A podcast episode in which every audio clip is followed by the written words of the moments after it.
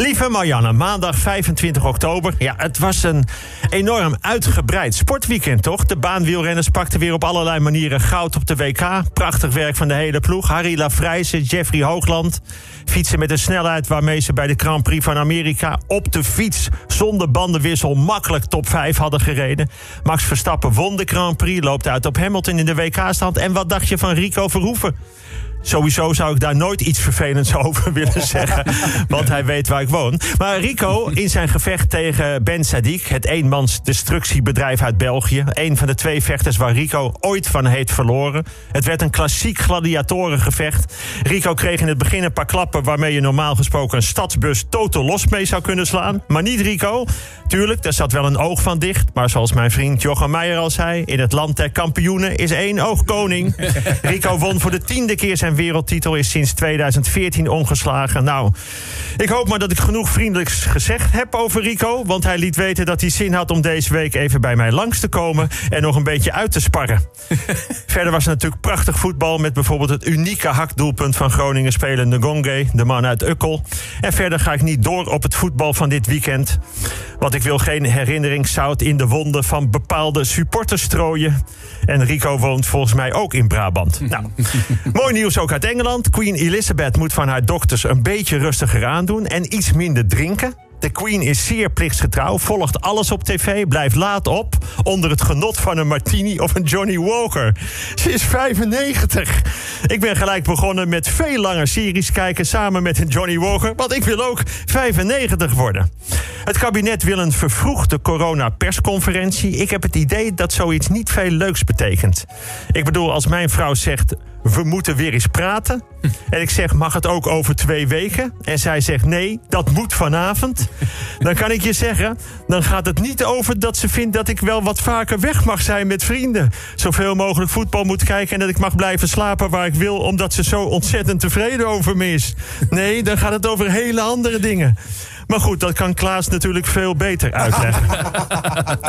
Dinsdag 26 oktober. De schoenen die basketballegende Michael Jordan in 1984 in zijn eerste seizoen in de NBA droeg, hebben bij een veiling een bedrag opgeleverd van 1,47 miljoen dollar. Omgerekend 1,26 miljoen euro. Het zijn daarmee de duurste sneakers ooit. Het zijn niet de duurste schoenen. Die zijn van Kanye West, die op de veiling ooit 1,55 miljoen opbrachten. Zelfs mijn vrouw vindt dat veel geld voor een paar schoenen. Ze heeft daarom nu gekozen voor de rubberlazer van Caroline van der Plas voor 17,95 euro. Meer dan een miljoen zorgverleners krijgen een coronabonus. Dat vind ik heel erg terecht, natuurlijk. Maar toen ik het las, dacht ik ook... wat een hoop zorgverleners zijn er in Nederland. Meer dan een miljoen.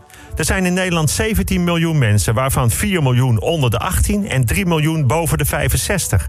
Waarschijnlijk is dus in Nederland 1 op de 10 zorgverlener. Aan de andere kant 9 op de 10 dus niet. En dat is nog veel meer. Als we zo doorgaan met de aarde als we nu doen... dan stijgt deze eeuw de zeespiegel nog veel meer dan werd gedacht. Namelijk 1,20 meter.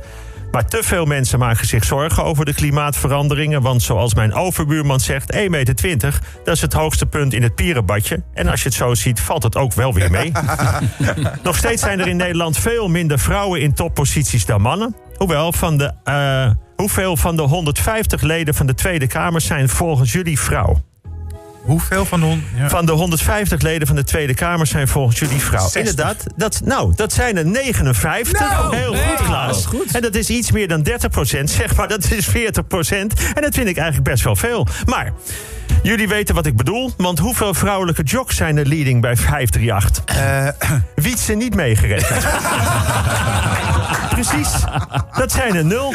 Hoeveel vrouwen stonden de zondag op het veld bij Ajax PSV? Snap je? Te weinig vrouwen. Of zoals Chris net nog toevoegde... hoeveel vrouwen kunnen een goede mop vertellen? Nou, en dat vind ik dan weer heel jammer, Chris. Oh, de koffie. 26 oktober. Ja, het is alweer 12 jaar geleden dat mijn vader doodging. Dat was een eh, lieve vader, grappige man... die nooit kon zeggen ik hou van je... maar het altijd liet merken op zijn manier. Hij luisterde bijvoorbeeld elke vrijdag naar mij... en zei erna altijd... wat een leuke man, hè, die Edwin Evers. en dan wist ik precies wat hij bedoelde. En ik zeg hem al 12 jaar nog steeds regelmatig gedag. Als ik iets doe wat ik vind dat hij moet zien... dan blijf ik zeggen, hé hey, pa, zag je het? Mooi, hè? Woensdag 27 oktober. De Australische profvoetballer Joshua Cavallo heeft woensdag bekendgemaakt homoseksueel te zijn. Dat is best groot nieuws, terwijl ik me afvraag waarom. Het gaat erom dat hij voetbalt. Maar dat het groot nieuws is, dat zegt helaas genoeg. De formatie gaat deze dagen door in een huisje in de bossen van Hilversum.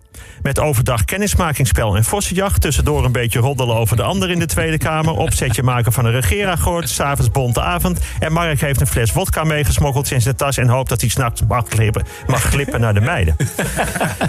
Het bestuur van Barcelona heeft uitgesproken dat ze nog alle vertrouwen hebben in hun trainer Ronald Koeman. En in voetbaltermen betekent dat dat hij vandaag wordt ontslagen. Donderdag 28 oktober. Ronald Koeman is ontslagen bij Barcelona. Nou, dan vrijdag 29 oktober. Ja, pa, moet je opletten. Ik ga dus weer de wintertijd uitleggen. Ja, klopt, dat is flauw, maar het is een traditie. Hou jij toch ook van? Ja, jongen, moet je gewoon doen. Vroeger kwam je na de radio ook altijd even koffie drinken bij je moeder. Klopt, pa, maar dat kan nu ook niet meer, hè? Maar doe haar daar de groeten. Nou, laat me horen, jongen. Hoe zit het met die wintertijd? Ja, lieve mensen.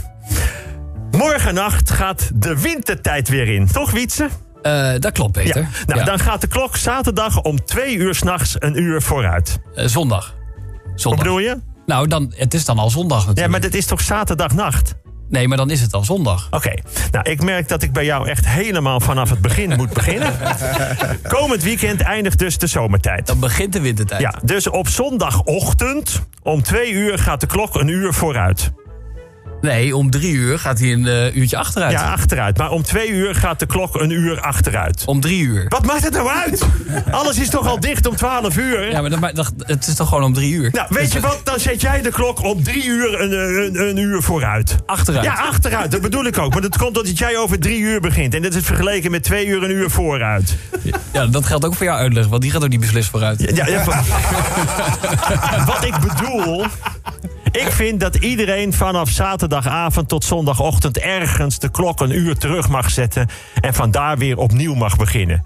Dus je hebt een uur dat dubbel kan worden ingevuld. Als ze vragen wat je dat uur hebt gedaan... dan kun je twee antwoorden geven.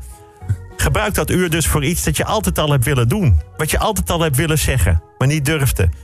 Ja, ik heb het natuurlijk wel over iets van liefde, iets moois. Maar een uur echt helemaal voor jezelf. Ja, zeker. Ik twijfel er ook aan of dat een echt goed idee is, maar het zet me wel aan het denken. Ja, toch? Nou, ik wens daarom iedereen een goed weekend met in elk geval één heel bijzonder uur. Hoe vond je het gaan, pa? Ja, inderdaad. Wietse? Ja. Leuk is die, hè? Edwin Evers. Tot volgende week.